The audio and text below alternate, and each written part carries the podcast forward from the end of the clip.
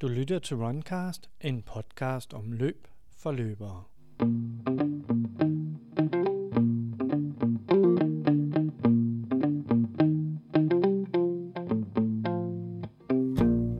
Selvfølgelig skal der masser af træning til, før du kaster dig ud i at løbe de længere distancer som maraton og ultraløb. Men måske er det rent faktisk mest det, der foregår inde i hovedet, der bestemmer, om du kan klare dig igennem kriserne på de helt lange distancer. Kriser, der altid vil opstå, men også kriser, der tæt på altid kan overkommes og klares. Men hvad er det så, der skal til? Og hvordan kan det mentale og psykologien bidrage til, at vi som langdistanceløbere optimerer vores chancer for at gennemføre de udfordringer, vi stiller os selv? Og kan de erfaringer, vi gør som langdistanceløbere, bidrage til et sundere sind, og måske gøre os i stand til bedre at overkomme de udfordringer, vi støder på i vores private liv, såvel som vores arbejdsliv. Til at svare på disse spørgsmål har Runcast i denne episode sat Henrik Elsie Andersen i stævne.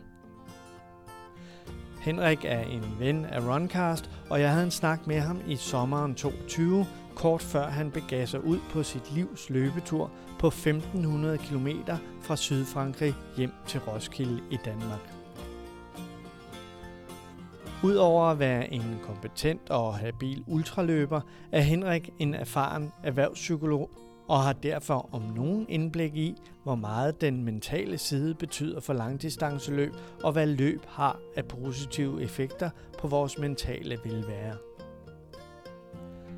Det lykkedes Henrik at løbe hele turen hjem fra Sydfrankrig i sommeren 22.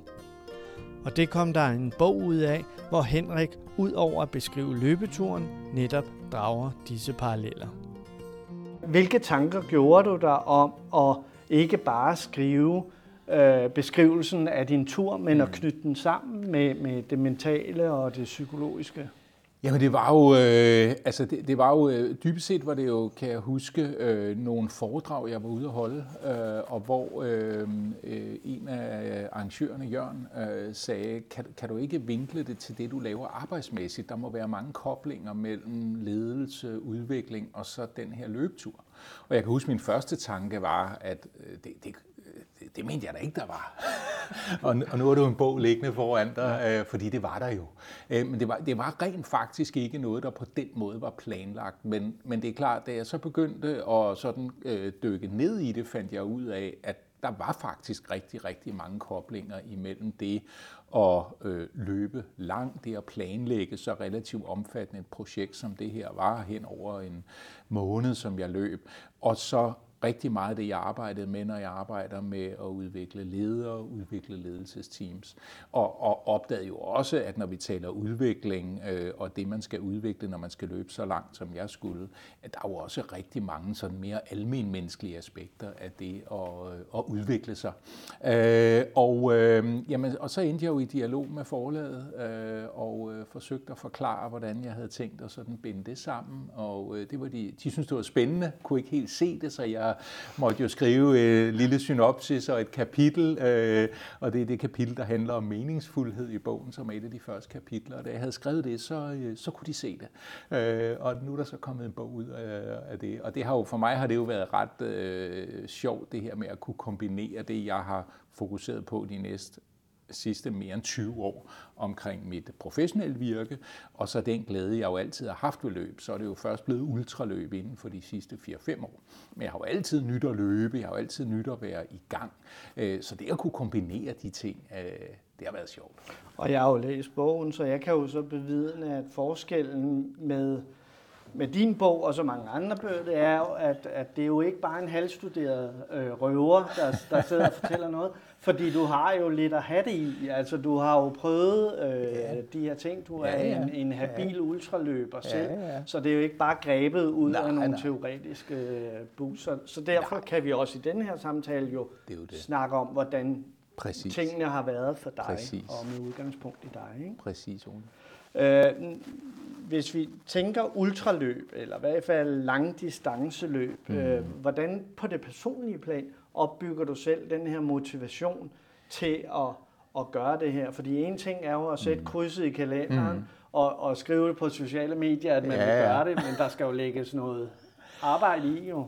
Ja, det skal der. Øh, og øh, altså, og det, det, det er et rigtig, rigtig godt spørgsmål, fordi det har øh, altså været en bekymring. Jeg kan huske, da jeg startede med at forberede mig til Frankrig-løbet og fik fat i Jesper Ken Olsen, som jo har været min træner og stadig er det. Øh, noget af det, Jesper meget tidligt betonede, var jo, at han på den ene side var glad for at se, at der var halvanden år til, jeg skulle løbe turen fra Frankrig. Øh, fordi det var nogenlunde, hvad der sådan skulle til, øh, for at jeg formåede at gå fra det, jeg kunne løbemæssigt på det tidspunkt, mm. til så at rent faktisk kunne gennemføre mit Frankrig-løb. Så det var sådan, øh, de 18 måneder var vigtige i forhold til helt fysisk at blive i stand til det. Og det er jo noget med muskler, sener, led. Øh, men, men det, der sådan hele tiden var øh, øh, bag ved det, det var udfordringen i forhold til at kunne bevare motivationen. Og, og jeg kan stadigvæk huske en af de uger, øh, hvor jeg jo sådan hver, hver søndag sender jeg jo en lille ugerapport til Jesper, hvor jeg skriver lidt omkring, hvor ugen er gået, og så justerer han planen efter det. Og der skrev jeg en søndag ret stolt til ham, fordi jeg havde haft sådan en uge, hvor jeg havde haft rigtig meget arbejde, og jeg skulle samtidig løbe mange kilometer. Så jeg havde øh, tvunget mig op klokken 5 om morgenen eller sådan noget de fleste morgener, så havde jeg løbet til 15 km om morgenen, og så når jeg kom hjem relativt sent, så var jeg ude at løbe igen. Så jeg skrev stolt til ham, nu har jeg fået løbet de her, jeg kan ikke huske, 100 km, Jesper, øh, og det var mere på disciplin, øh, end det var på glæde. Øh, men jeg har virkelig fået øvet mig i at være disciplineret. Og så kom svaret jo mandag, det må du aldrig gøre igen. Og det, der var hans pointe, det var jo, at hvis jeg begyndte at slække på motivationen og glæden ved at løbe, så var det fuldstændig ligegyldigt, hvor stærk jeg blev. Så ville det på et eller andet tidspunkt æbe ud. Øhm, så, så det der med at hele tiden sådan tænke i, at fokus skal faktisk være på at nyde det, være glad for det, det betyder ikke, at der ikke er hårde perioder, og når man er ude på en rigtig lang tur, så kan der bestemt også være en lyst til at tænke, nu tager jeg sgu bussen hjem. Øh, men, men grund sådan følelsen skal være, at man er i gang med noget godt. Øh. Hvordan tweaker du så den der personligt, når du, når du møder de der det er sgu surt det her, ja. der er langt hjem mm. og så videre. Altså, hvordan overvinder du den der træthed og nogle gange smerte ja. under løb også? Jamen, jeg, jeg minder mig selv om, hvorfor jeg gør det. Altså for det første, så minder jeg mig lige om, du har jo selv valgt det. Altså, så der er jo ligesom grænser for, hvor du skal have dig selv, ikke? Fordi du kunne jo bare lade være. Øh, og det ved jeg jo godt, jeg reelt set ikke kunne, for jeg har jo nødt til at have det der, ikke? Øh, men, men, men det er jo også at lige sådan vende tilbage og sige, der er jo en grund til at gøre det. Altså, jeg kan huske min første rigtig lange tur, der, det var sådan en to-dages tur, hvor jeg skulle øh, løbe fra Roskilde, hvor jeg bor, og så øh, skulle jeg løbe til Als, så hen over Sjælland, ned over Fyn, og så færgen over. Øh, og så skulle jeg så heldigvis mødes med Mona på den anden side af Alsfærgen derovre på, øh, på Alsiden, og så skulle vi have en hyggelig øh, weekend på øh, Dyvi Badehotel. Så det havde jeg dog at se frem til. Men da jeg kom ud af Roskilde, der, jeg havde jo godt tjekket vejrudsigten, ikke? der blev jeg jo bare ramt af den strideste modvind. Og hvis man er sådan lidt øh, geografikyndig, så ved man, at øh, når man løber fra Roskilde og direkte til øh, Korsør, er så er det bare vest, lige vest, ud. Vest. vest, vest, vest i stiv modvind, stormende kuling, hvad ved jeg, ikke? Øh, og næste dag, øh, der skulle jeg så ganske vist løbe en lille smule sydligt, øh, men dog alligevel, øh, og der kunne jeg så til gengæld se frem til regnbyer det meste af dagen, ikke? Så jeg vidste, at øh, det der, det blev altså to hårde dage. Øh, og jeg havde jo, jeg skulle løbe 140 km på de der par dage, men der var var ingen, der sagde, hvad retning jeg skulle bruge, øh, løbe i. Så jeg kunne jo rent faktisk bare vælge at løbe den anden vej. Men der var jeg jo nødt til sådan lige at huske mig selv på, at når jeg øh, nogle måneder senere stod nede i Frankrig og skulle løbe nordpå, så var der altså ikke nogen anden vej. Øh, og derfor øh, bed jeg jo tænderne sammen. Øh, og der var så først kommer i gang med det, og ligesom kan se, hvorfor man gør det, så bliver det på en eller anden måde nemmere at håndtere det. Men, men, men det er en dimension, jeg synes, man skal købe ind i. Jeg har jo også i bogen har jeg jo sådan et kapitel, der handler omkring det her med, at vi i nogen grad har glemt at værdsætte lidelse. Og det er jo ikke fedt at have det dårligt, øh, men, men det rummer også noget godt, fordi det rummer jo rent faktisk udvikling. Altså det er jo, når vi udsætter os for ting, der er hårde, slidsomme, at vi bygger os stærkere op. Så længe vi ikke ender med at overgøre det, så har vi jo rent faktisk godt af at udsætte os for belastning. Øhm, så, så det er at huske på, hvorfor. Øhm, og så det der med, at man, øh, at man selv har valgt det. Og så kunne jeg forestille mig, og det kunne også gælde øh, på det personlige plan og i erhvervslivet, det har vel også noget med erfaring at gøre. Mm. Hvis du har været derude, tænker jeg, mm-hmm. en gang før, yeah. så er det måske lidt lettere både at motivere og overvinde ja. de der mod, modstand, man har. Det, det har du fuldstændig ret i, og, øh, og det er jo også, hvis vi sådan trækker det ind i noget af det, øh, der så også øh, relaterer ind til mit arbejde og mit virke. Øh, noget af det, jeg jo også der i talesætter, når jeg møder og arbejder med ledere og ledelsesteams, der står i svære situationer, det er jo også at påpege, at der er ikke nogen garanti for, at det bliver ved. Og det, og det gælder selvfølgelig både, når der er succes, og det hele lykkes, øh, men det gælder så sandelig også, når vi har udfordringer, og det er svært. Altså, øh, øh, vi kommer rent faktisk, hvis vi gør det rigtige, alt andet lige et lidt bedre sted hen. Og det, der, det, der er øh, øh, overraskende og, øh, og interessant ved ultraløb, det er jo, man, man skulle jo forestille sig, at træthed og fysisk træthed og hvor hårdt tingene føles, var noget, der fulgte sådan en nogenlunde lineær øh, kurve. Altså hvis du er træt efter være, 20, være. ja, øh, hvis du er træt efter 20, øh, så er du øh, lidt mere eller endnu mere træt efter 30 og endnu mere efter 40 og endnu mere efter 50. Sådan er det faktisk ikke. Altså, det går i bølger, øh, og ja, ja, det er da sjældent, øh, når man nærmer sig måske, hvad ved jeg, 80 km, og man pludselig får øh, stjerner i benene og sådan noget. Øh, men, men faktum er faktisk, det går op og ned. Og, øh, og på min tur hjem fra Frankrig, der havde jeg meget ofte sådan et lidt hård periode, netop omkring de der 20 kilometer. Øh, fordi der havde jeg jo lidt afhængig af, hvor kuperet det var, og hvor hurtigt det der forgik, og hvor meget jeg gik på bakkerne og sådan noget, så havde jeg måske været i gang i en to-tre timer allerede. Øh, og så på nogle af de lange dage var der jo stadig 50-60 kilometer tilbage. Øh, og der kunne jeg godt nogle gange få sådan lidt et mentalt dyk, fordi jeg synes egentlig, jeg havde været i gang relativt længe, mm. men der var endnu længere tid tilbage. Øh, men når man så ligesom indser, at der er et mønster i det, når der så sker fuldstændig det samme dagen efter, så ved man jo, okay, det skete også i går, men der fik jeg jo gennemført, der kom jeg jo igennem, så var der jo frokostpause lidt øh, senere, og så videre, og så videre. Så, så, så det der med på en eller anden måde at lære de der mønstre at kende, og så lige huske sig selv på, det går rent faktisk over. Altså på et eller andet tidspunkt, øh, så øh, holder det op med at gøre ondt. Og er det noget, du overfører til dem, du, du øh, coacher og så videre i, i, i erhvervslivet, og, og bruger ja. det jo også i andre sammenhænge selv? Ja, det er det også, også fordi, at altså noget af det, jeg jo altid forsøger at bringe i spil, det er, vi kan ikke altid påvirke, hvad der sker rundt omkring os. Altså, jeg har jo arbejdet med ledere og ledelsesteams, som har fået deres forretning ganske sådan markant påvirket, for eksempel af Putins øh, vanvittige idé om at gå ind i Ukraine, øh, covid-situationen. Øh, det kunne de jo ikke påvirke. Øh, men det de kunne, det var, de kunne påvirke, hvordan de reagerede på det. Øh, og, og, og det der med sådan lige at huske på, det kan godt være, at der er nogle vilkår, det kan godt være, at det er svært lige nu, men vi har stadigvæk mulighed for at præge, hvordan vi så rent faktisk reagerer på det. Øh, og det betyder ikke, at man ikke kan, øh, at man kan alt. Øh, selvfølgelig, der vil altid være nogle restriktioner og nogle begrænsninger, øh, så det jo ikke, skal jo ikke tolkes på den måde, men, men jeg tror, det er ret vigtigt sådan at huske sig selv på, jeg, jeg bestemmer i nogen grad, hvordan jeg reagerer på det. I hvert fald inden for et eller andet form for handlerum. Mm. Øhm, så, så det er noget, jeg sådan på den måde prøver at bringe i spil. Ikke? Ja.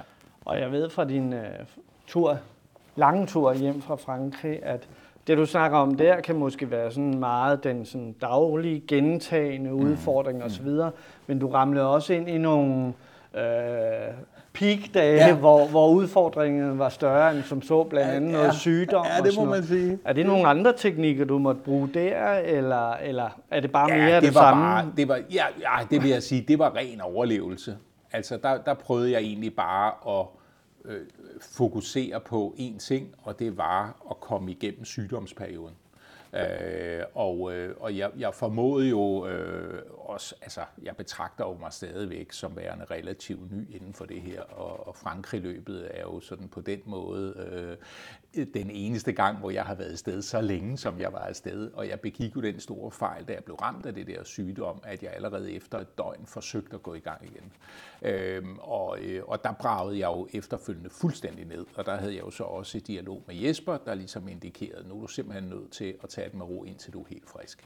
Øh, og det var så egentlig det, der var fokus. Øh, blive så der frisk, klar. du mentalt ja, løbet? det nyttede og... ikke noget, altså, fordi hvis jeg begyndte der at tænke for meget over det, altså det, det er jo helt vildt, hvor svag man bliver og hvor lidt man kan overskue, når man ikke kan holde energi i sig. Specielt når man er mand. Ja, altså jeg, jeg kunne jo ingenting. Øh, og, og derfor tror jeg et eller andet sted kunne jeg godt mærke, at hvis jeg begyndte at tænke lidt for langt frem, og tænke for meget over sådan, hvordan jeg kom i gang igen og sådan noget, i de der par øh, dage, hvor jeg virkelig, virkelig, virkelig var dårlig, øh, så, så, så, så, så havde jeg muligvis truffet en dum beslutning. Så de første par dage der, hvor jeg var nødt til at indse, at, at nu, nu er jeg nødt til, altså ikke at gøre noget som helst. Der handlede det egentlig bare om at komme igennem.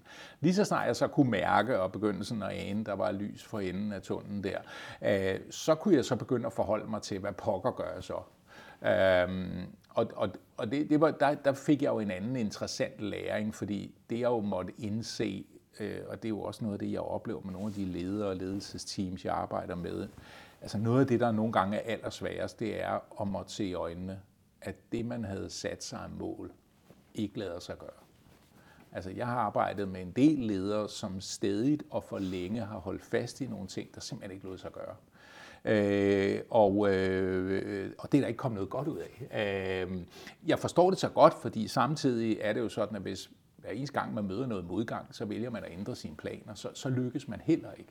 Men den der hårde, fine balance imellem på den ene side at være determineret, og på den anden side se i øjnene, hvornår virkeligheden simpelthen bare kræver, at man redefinerer sine mål. Det lærte jeg på den hårde måde. Ja, ja. øh, og jeg måtte jo se i øjnene, at den oprindelige plan med de 1800 km, Øh, det, det var simpelthen ikke muligt. Altså, øh, jeg kunne simpelthen ikke indhente de der fem dage svarende til 300 km, også fordi jeg havde en tidsplan, der gjorde, at jeg kunne ikke bare forlænge det i den anden ende. Øh, jeg havde en aftale inde på CBS, hvor jeg skulle ind og underholde lidt nogle dage efter jeg kom hjem, så jeg kunne ikke bare forlænge. Jeg kunne have forlænget med en dag, det var det hele. Ikke?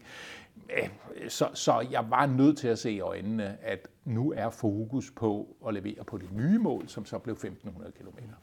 Øhm, og, og der formåede jeg på en eller anden måde, øh, det ville ellers normalt have lignet mig at bruge for meget mental energi på det oprindelige, og bruge for meget energi på at betragte mig selv som en fiasko. Men lige der formåede jeg rent faktisk at lægge det fuldstændig til side. Og mit fokus var 1500 km.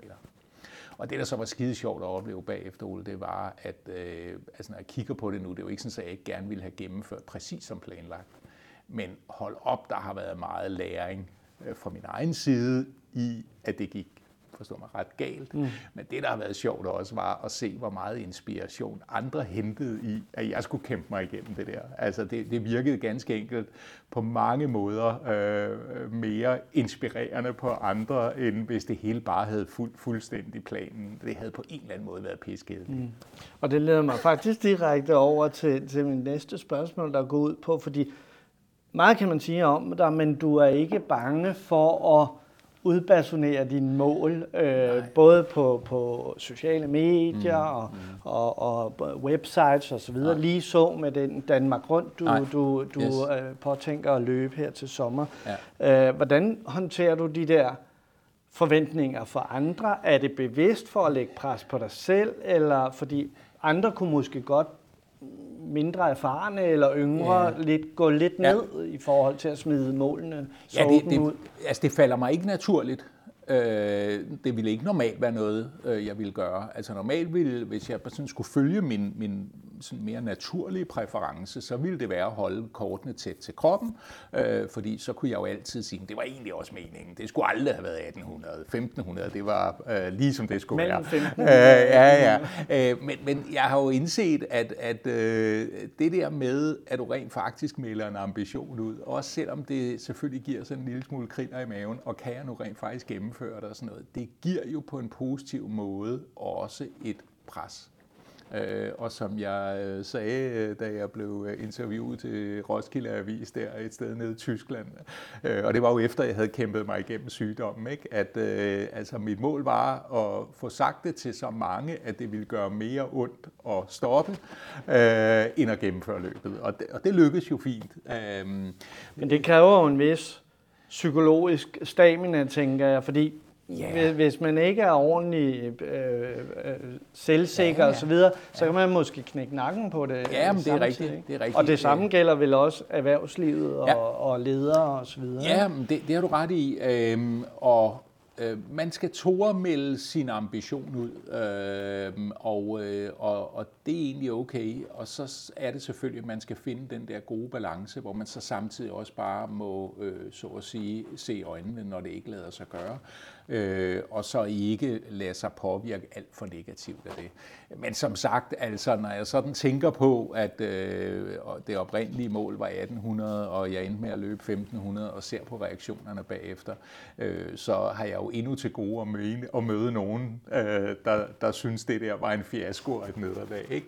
Øh, så man kan jo godt melde ambition ud, ikke helt nå den, og så stadigvæk efterfølgende se tilbage på det og tænke, det var sgu egentlig fint nok. Mm, mm.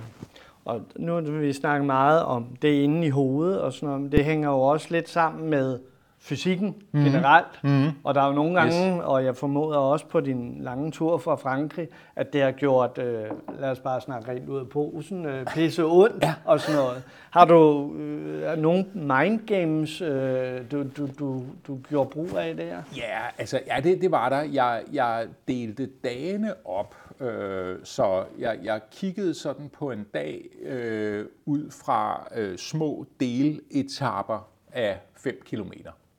Øh, og det gode ved at løbe de der rigtig lange løb, og særligt de her multidagsløb, det er jo, at man har jo tid til at stoppe op og strække ud, og lige få drukket lidt, og lige få spist lidt, og så løber man videre. Det fede ved sådan en tur som den her, og det er det samme med Danmark rundt, det er jo, det er jo ikke på tid.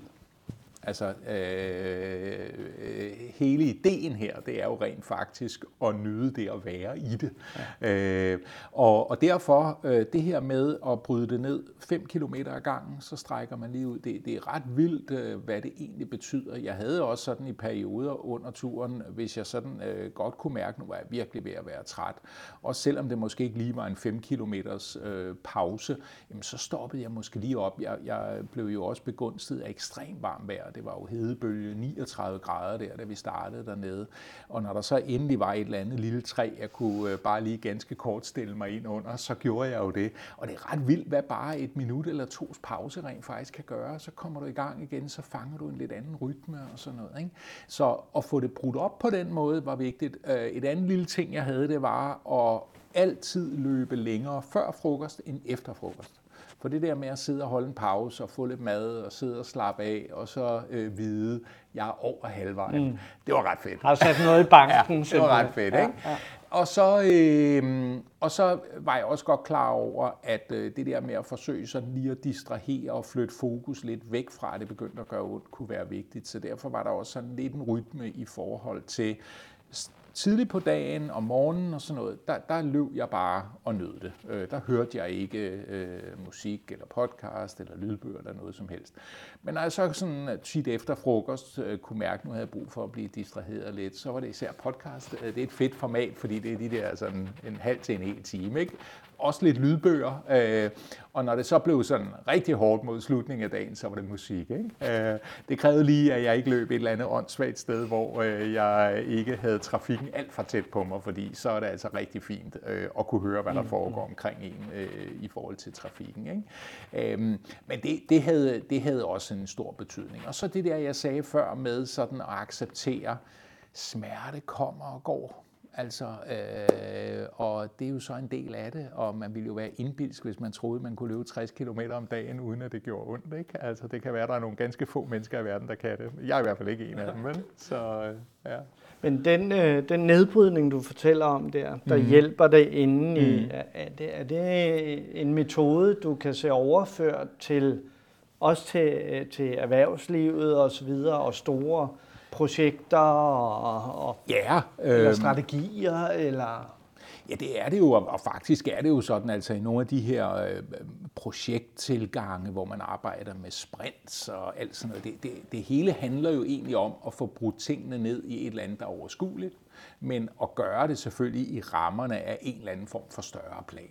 Øh, øh, og det er fuldstændig øh, rigtigt, at, at det kan man også tænke der. Og igen, hvis man der står med en eller anden stor udfordring, og lige huske på, hvad kan jeg rent faktisk gøre nu, som med en vis sandsynlighed vil føre mig i den rigtige retning. Og det er jo sådan en lille smule nemmere, når man er på en løbetur fra A til B, så er det ret åbenlyst, hvad der er den rigtige retning. Det kan være en lille smule vanskeligere Storebæltsbroen. Øh, i et eller andet projekt, øh, og i håndtering af øh, mennesker og medarbejdere, hvad ved jeg ikke. Men, men ikke desto mindre, hvis man sådan sætter sig ned og tænker sig om, så kan man ofte identificere, hvad er de der to-tre ting, der trods alle de udfordringer, vi har, trods alt vil bringe os i den rigtige vej. Og så må vi så gøre status, når vi når derhen, og så se, hvad er de to-tre ting, vi nu kan gøre der ved. Og på et eller andet tidspunkt når man imod. Ikke? Ja, jo, lige præcis. Og når vi nu snakker om erhvervslivet, så du har sikkert også mødt den. Øh, jeg har i hvert fald mødt den og hørt den sådan lidt karikeret for folk, som ikke løber, ja. øh, løber langt. Den her med, du ved, en hver mellemleder ja. i blå skjorte skal løbe en, en uh, Ironman eller, eller, eller et ultraløb eller, ja. eller et maraton. Ja. Hvorfor tror du, det er sådan, ikke fordommen, tænker jeg, men, men Monique, der er lidt af snakken. Hvorfor er jo. det, at, at vi søger derhen? Jo, altså, jamen det, det er fuldstændig rigtigt, Ole, og, og jeg kan da huske, når jeg for mange år siden læste CV, at der stod en, øh, at der var en, der skrev, at han havde gennemført et maraton, så blev man jo sådan helt holdt op, ikke? Og i dag skal der jo noget mere til. Øh, og, og, og, og Altså, og det kan man jo grine af, og, og jeg skal også skynde mig at understrege, der, der er jo masser af mennesker, der finder motivation, inspiration og udvikling i andet end fysisk aktivitet. Og, og det har jeg kæmpe stor respekt for. Øh, jeg, jeg er øh, heldig at være udstyret til synlædende med en krop, der kan håndtere det at løbe rigtig langt. Der er masser af andre måder, hvorpå man kan holde sig i udvikling, og det behøver ikke at være fysisk. Når det så er sagt, så tror jeg helt grundlæggende på, og det er jo også dokumenteret en hel del øh, undersøgelser, fysisk aktivitet gør noget godt for os mm. mennesker. og det er jo sådan i en, i en bred vifte. Øh, der er masser af undersøgelser, der viser, at vores generelle sådan øh, mentale sundhed har det godt, når vi sørger for at være fysisk aktive. Øh, det er så ikke i de mængder, øh, jeg er aktiv. Altså, øh, desværre er det ikke sådan, jo mere, jo lykkeligere bliver man, så vil jeg jo være en af de lykkeligste mennesker. Men, men det der med at sådan komme ud og være fysisk aktiv, enten det er gang, løb, cykling, hvad pokker det måtte være, i noget, der måske sådan ligner en halv time om dagen i gennemsnit, det, det gør bare noget godt for vores generelle psykiske velbefindende. Men jo selv nogle af de der mere alvorlige psykiske lidelser, depression, angst, sågar demens, øh, der, der kan man simpelthen konstatere, at der er en positiv effekt af det at være fysisk aktiv. Og så er der jo en komponent, og det er jo der, hvor vi så begynder at nærme os nogle af de der mennesker, jeg møder, der sidder i krævende jobs, og det kan jo både være ledelsesjob, men det kan også være andre typer af krævende jobs. Det er jo, at fysisk aktivitet har også en positiv effekt på stresshåndtering. Og, og derfor, jeg tror ikke, det er tilfældigt, at en, en stor del af dem, jeg møder i mit virke, sørger for på den ene eller den anden måde at være fysisk aktiv og være i sådan nogenlunde form. Ikke? Oh, oh. Ja. Og så siger du en halv time eller lidt mere, og du siger også selv, at du burde være verdens lykkeligste, hvis, hvis det var ligefrem proportionalt med den tid, ja, man brugte. Ja, men men, men øh, øh, er der, er der også noget der i forhold til det der? Hvordan har du selv balanceret al den tid at bruge på træning og være væk og så videre? Øh, er det fordi, du ikke har små børn mere? Ja, eller? ja det, det er vel det korte svar, ja. Ole. Det er, at øh, altså, øh, ultraløb er jo øh, besynderligt nok, øh, fordi det er jo sådan en lille smule kontraintuitivt. Det er jo rent faktisk en øh, fysisk krævende sport, hvor man først topper i en meget sen alder. Og noget af det har selvfølgelig at gøre med, at hvis man skal træne så relativt meget, som jeg træner, og, og nogle af mine ultrakolleger træner, så, så det er svært at kombinere med at have helt små børn. Ikke? Så det her med at have store børn, der er flyttet hjemmefra, nu er de jo så øh, fået børnebørn, øh, så er der jo nogen at tage sig af, men, øh, men øh, det er jo ikke det samme som selv at have børn. Øh, det er jo den ene komponent øh, at, at finde tiden til det. Og så er jeg jo også et sted, hvor jeg så er så privilegeret, at jeg arbejdsmæssigt også kan tilrettelægge min arbejdsdag relativt fleksibel. øhm, og øh, så bliver det muligt at flette ind. Og så løb jo altså på mange måder en effektiv måde at bevæge sig på. Øh, altså man kan jo øh, få tilbagelagt noget, der ligner øh, 10 km i timen eller sådan noget, øh, uden at løbe sådan vildt hurtigt. Og det vil sige, selv 100 km på en uge, som er nogenlunde det, jeg træner i gennemsnit, det er 10 timer. Øh, og selvfølgelig er det også tid, der skal hives ud af kalenderen, men det er jo faktisk tid, det er muligt at finde, særligt hvis man tager et par lange ture en fredag og en, øh, undskyld, en lørdag og en søndag. Ikke? Øh, ja, og dropper, dropper fire timers Facebook måske. Øh, ja, ja, og altså, hvad det ellers måtte tage. Ikke? Det, det er jo en effektiv måde at få motionen på. Så, så det, det, og så er det selvfølgelig klart, når jeg sådan øh, frem imod nu også Danmark rundt har træningsuger, hvor jeg er helt oppe og løbe 250-350 km, der, der, der er jeg nødt til lige at planlægge det med øh, arbejde og familie, venner, øh, tid og den slags ting. Ikke? Men er der også en, en, en mental sundhed i det? Altså, at, at det der med ultraløb, det er ikke kun det er ikke kun den fysiske, mm. øh, du mm. får stimuleret, mm. men det er også øh, hjernen, øh, hvor ja. du får noget stimuli og noget steam off og så videre. Ja, det er det. Altså, øh, der er ingen tvivl om, jeg, jeg, jeg, jeg har brug for den der aktivitet. Jeg har brug for altså, øh, sådan den der sådan restløshed, øh, jeg er øh, øh, udstyret med. Øh, det er jo både en gave, men det er sgu også en forbandelse. Ikke? Øh, den, den har brug for, at jeg kommer ud og er aktiv. Og faktisk er det sådan lige nu, jeg er lige blevet opereret øh, for der. Øhm, og det første, jeg jo spurgte kirurgen om, da han hævde den der maske af mig, det var jo, hvornår må jeg løbe igen? Og så grinede han. Øh, så faktisk er det jo sådan, at øh, her den næste uges tid, der, øh, der må jeg sgu ikke løbe. Øh, altså jeg kigger jo misundeligt hver eneste gang, jeg ser en, der løber forbi. Ikke? Jeg må heldigvis gå, så øh, kan jeg jo på den måde øh, holde mig i gang. Jeg har brug for at holde mig i gang. Øh, og så er det jo også sådan øh, en tid, hvor man kan øh, reflektere, tænke. Øh, jeg skulle lige til at spørge, hvor meget ja. af, af bogen er tænkt øh, øh, løbende? Ja, men altså, det, mange af idéerne øh, og mange af vinklerne ind i det er jo ikke. Altså, og så gjorde jeg jo det øh, heldigvis, at jeg øh, på mit Frankrig-projekt sad jeg jo faktisk og nød sådan en, hvad ved jeg, en lille times tid, når jeg var færdig med en dag med at forfatte en, øh, et lille opslag, som jeg så smed op i den her Facebook-gruppe, jeg har, som jo voksede så større og større og gjort det år siden. Øhm, og der, der havde jeg jo så meget af det, der i, i bogen handler om selve løbeturen, er jo faktisk hentet derfra. Øh, så, så, øh, og, og der løb jeg sådan i, i løbet af dagen, og så brugte jeg også sådan lidt, hvad det var for tanker og idéer, jeg fik i løbet af dagen. Øh, og så lavede jeg lige en note på min telefon, og så kunne jeg vinkle det ind. Så i mange af dagene og i mine dagbogsnotater der, var der jo en eller anden form for vinkel ind i det, som, som i mange tilfælde så også er blevet i bogen. Øh, men jeg tror, mange af os kender det der med, at man kommer hjem måske efter en lidt stressende dag, øh, hvad hedder det, arbejdsdag, og der har været et eller andet problem problem og sådan noget, ikke? Og, og man er sgu sådan en lille smule måske lidt dårlig humør, og det hele roder lidt rundt op i ens hoved, og så går man ud og løber en tur. Og det er jo ikke, fordi man løser problemer, men det føles anderledes bagefter, og man får ligesom sådan lagt tingene lidt på øh, nogle hylder og, og sådan noget. Ikke? Øh, så igen, altså jeg, jeg tror, den der sådan helt grundlæggende bevægelsesting, den, den tror jeg simpelthen gør noget godt for os, også rent mentalt.